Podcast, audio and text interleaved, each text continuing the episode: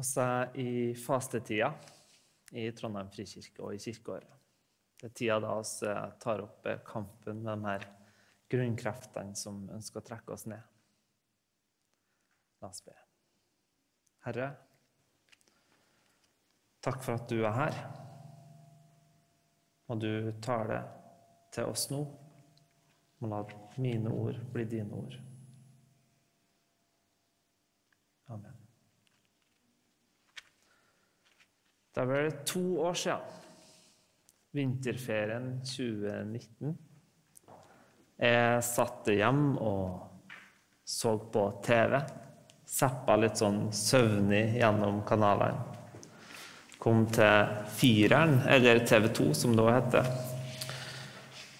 Det var et program der som hette et eller annet med Death Row.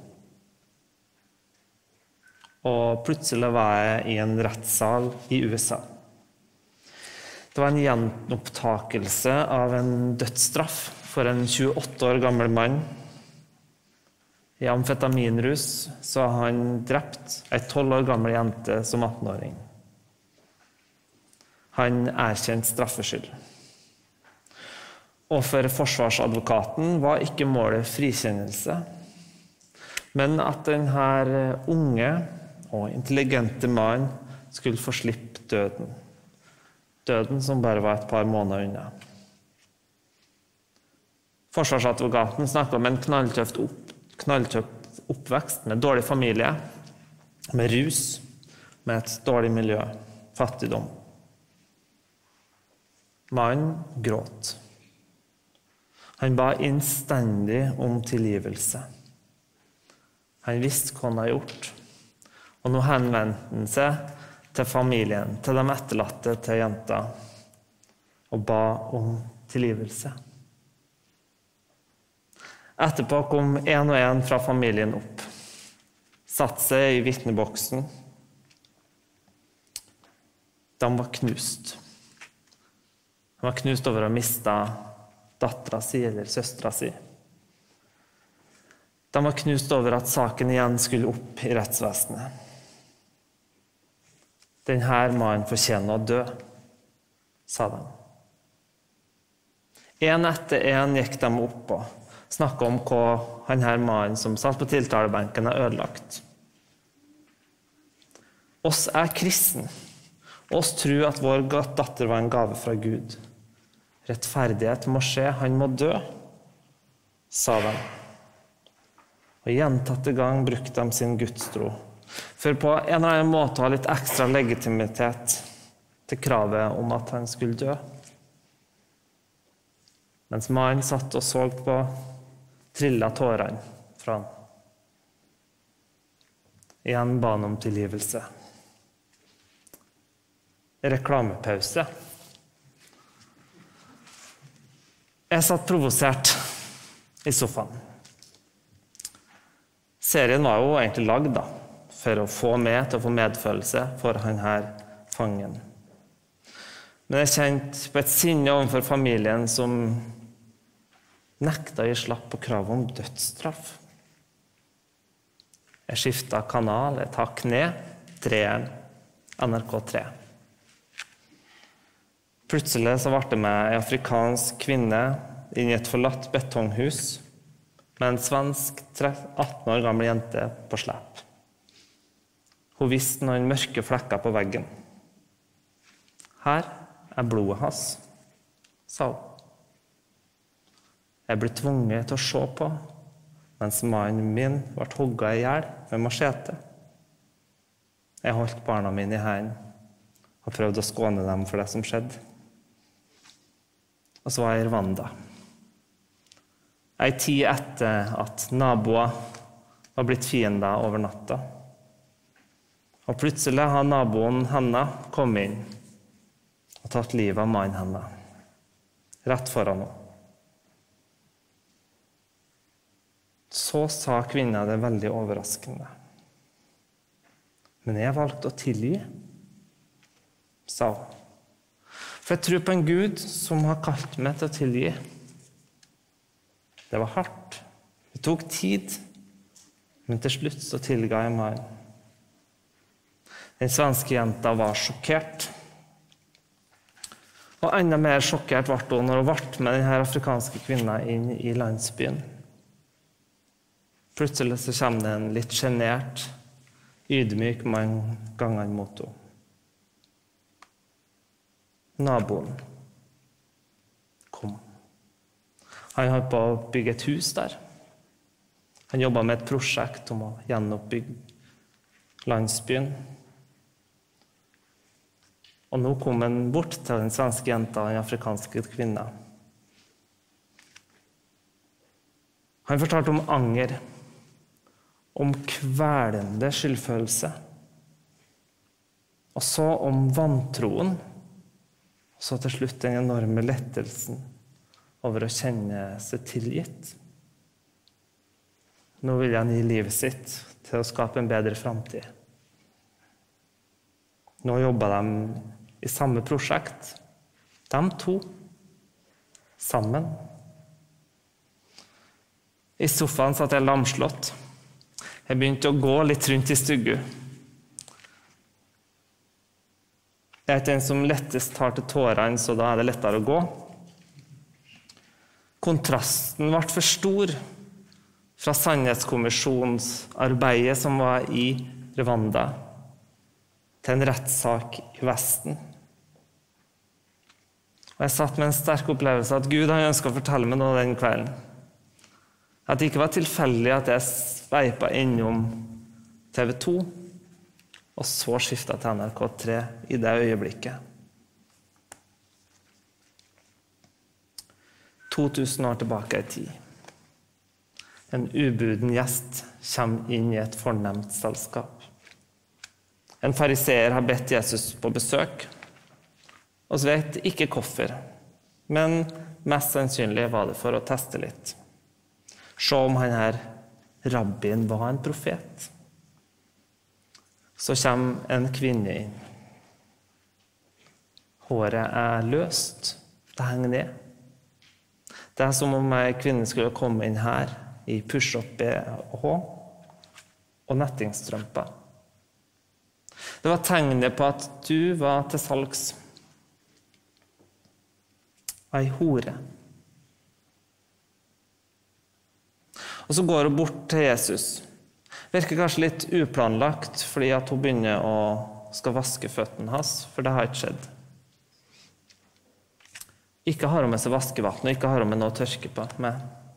Men hun har tatt med en veldig, veldig dyr salve. For en jøde skulle holde seg bort fra sånne mennesker. Og folk venter på hva er det Jesus skal gjøre. Han lar henne holde på. Provoserende for dem. Jeg har vært litt provosert når jeg leste teksten, over at Jesus lar henne holde på. Skal ikke Jesus si 'Kom og sett deg her'? Spis med oss. Bli en del av selskapet. Nei. Han lar henne tjene seg. Han lar henne tilbe. Denne hora. Og husk, det er Gud som ligger til bords der. Det er Gud som møter oss i denne rufsete tømmermannen fra en sted langt borte i landsbygda. Det er den hellige og ukrenkelige Gud som fortærer både mennesker og dyr med ild tidligere i Bibelen. Der ligger han. Var ganske så intim ei hore. Jesus møter henne ikke sånn som jeg kanskje ville møtt henne. Med å si sånn Du, det går greit. Og så har alle gjort feil, eller alt blir bra. Jeg skjønner at det ble sånn for det. Oppveksten din var jo ikke god. Du har ikke noe annet valg. Du fikk et tidlig stempel. Det er ikke din skyld at du har havna her. Jesus gjør ikke det. For falsk rettferdiggjørelse frelser ingen. Bortforklaringa gir aldri frihet. Så lenge du holder fast på å være dommeren sjøl, så må du face den dommen.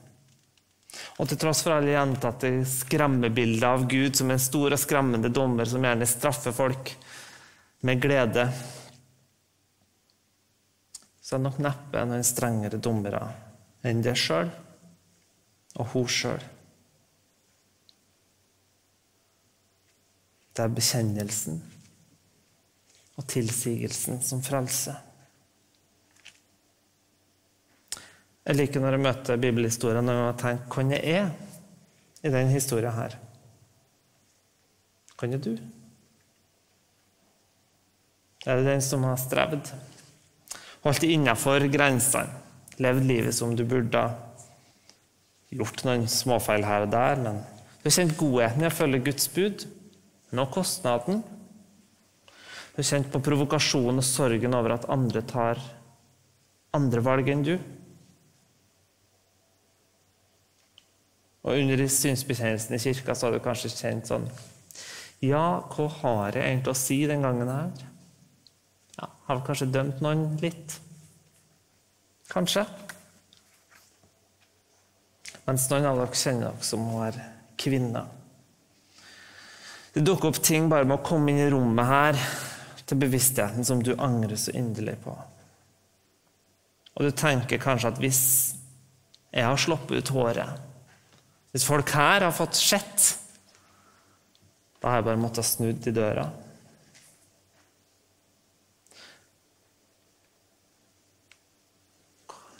Jeg tror oss alle kan være begge to.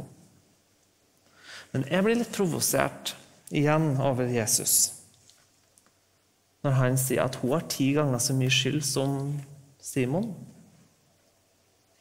Har ikke de like mye? Er ikke en bibelsk sannhet? Har ikke hun like mye skyld, hun, eller han, som hun?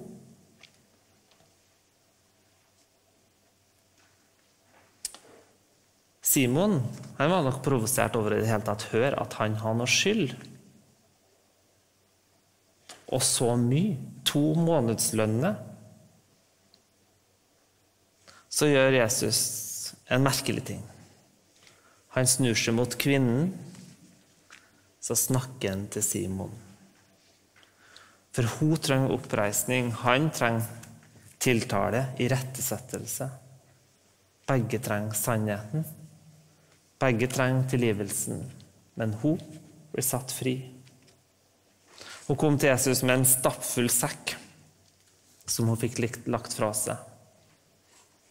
Ja, hun kjente de frigjørende tårene strømme. Så kanskje ikke Simon sitt problem at han har lite synd å få tilgitt. For sekken den er kanskje sånn middels stor. Men problemet er at han ikke legger den fra seg. Uansett så holder en fast på selvrettferdigheten eller sammenligningen eller ja. For uansett kan vi si hva som er gjort, så kan vi komme fram for Jesu føtter.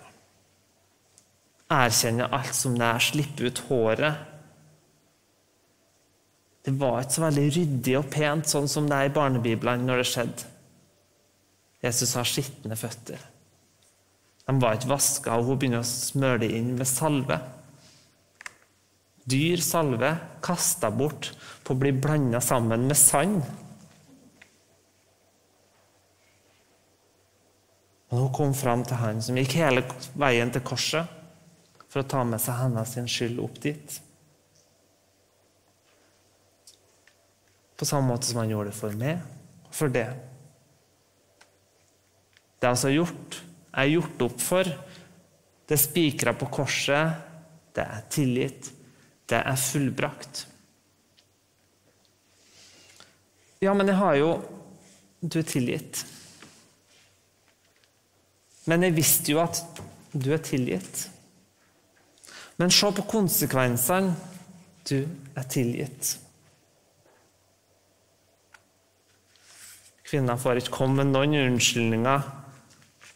Ikke noen egne disclaimere. Hun får bare et livsforvandlende møte. Ikke fordi hun tok seg sammen og skjerpa seg. Husk å komme inn med løst hår. Det var ikke sånn at hun allerede har gått bort fra livsstilen, tilsynelatende iallfall. Hun var i hvert fall støkk i vanene om hun kanskje har slutta å selge seg sjøl. Nei, det var Guds godhet som drev henne til omvendelse. Etterpå får vi høre om kvinnen som fulgte Jesus. Hun skulle bare få ta imot. Så var hennes respons å gi det fineste hun har. Og jeg skal avslutte snart med å være litt streng mot noen av dere i dag. Ta nå imot tilgivelsen. Når jeg satt og forberedte meg, så fikk jeg en inderlig opplevelse av at det er noen av oss som bare ikke klarer det. Som bare holder fast på enten for å bortforklare eller holder fast på å trykke seg sjøl ned og sammenligne seg.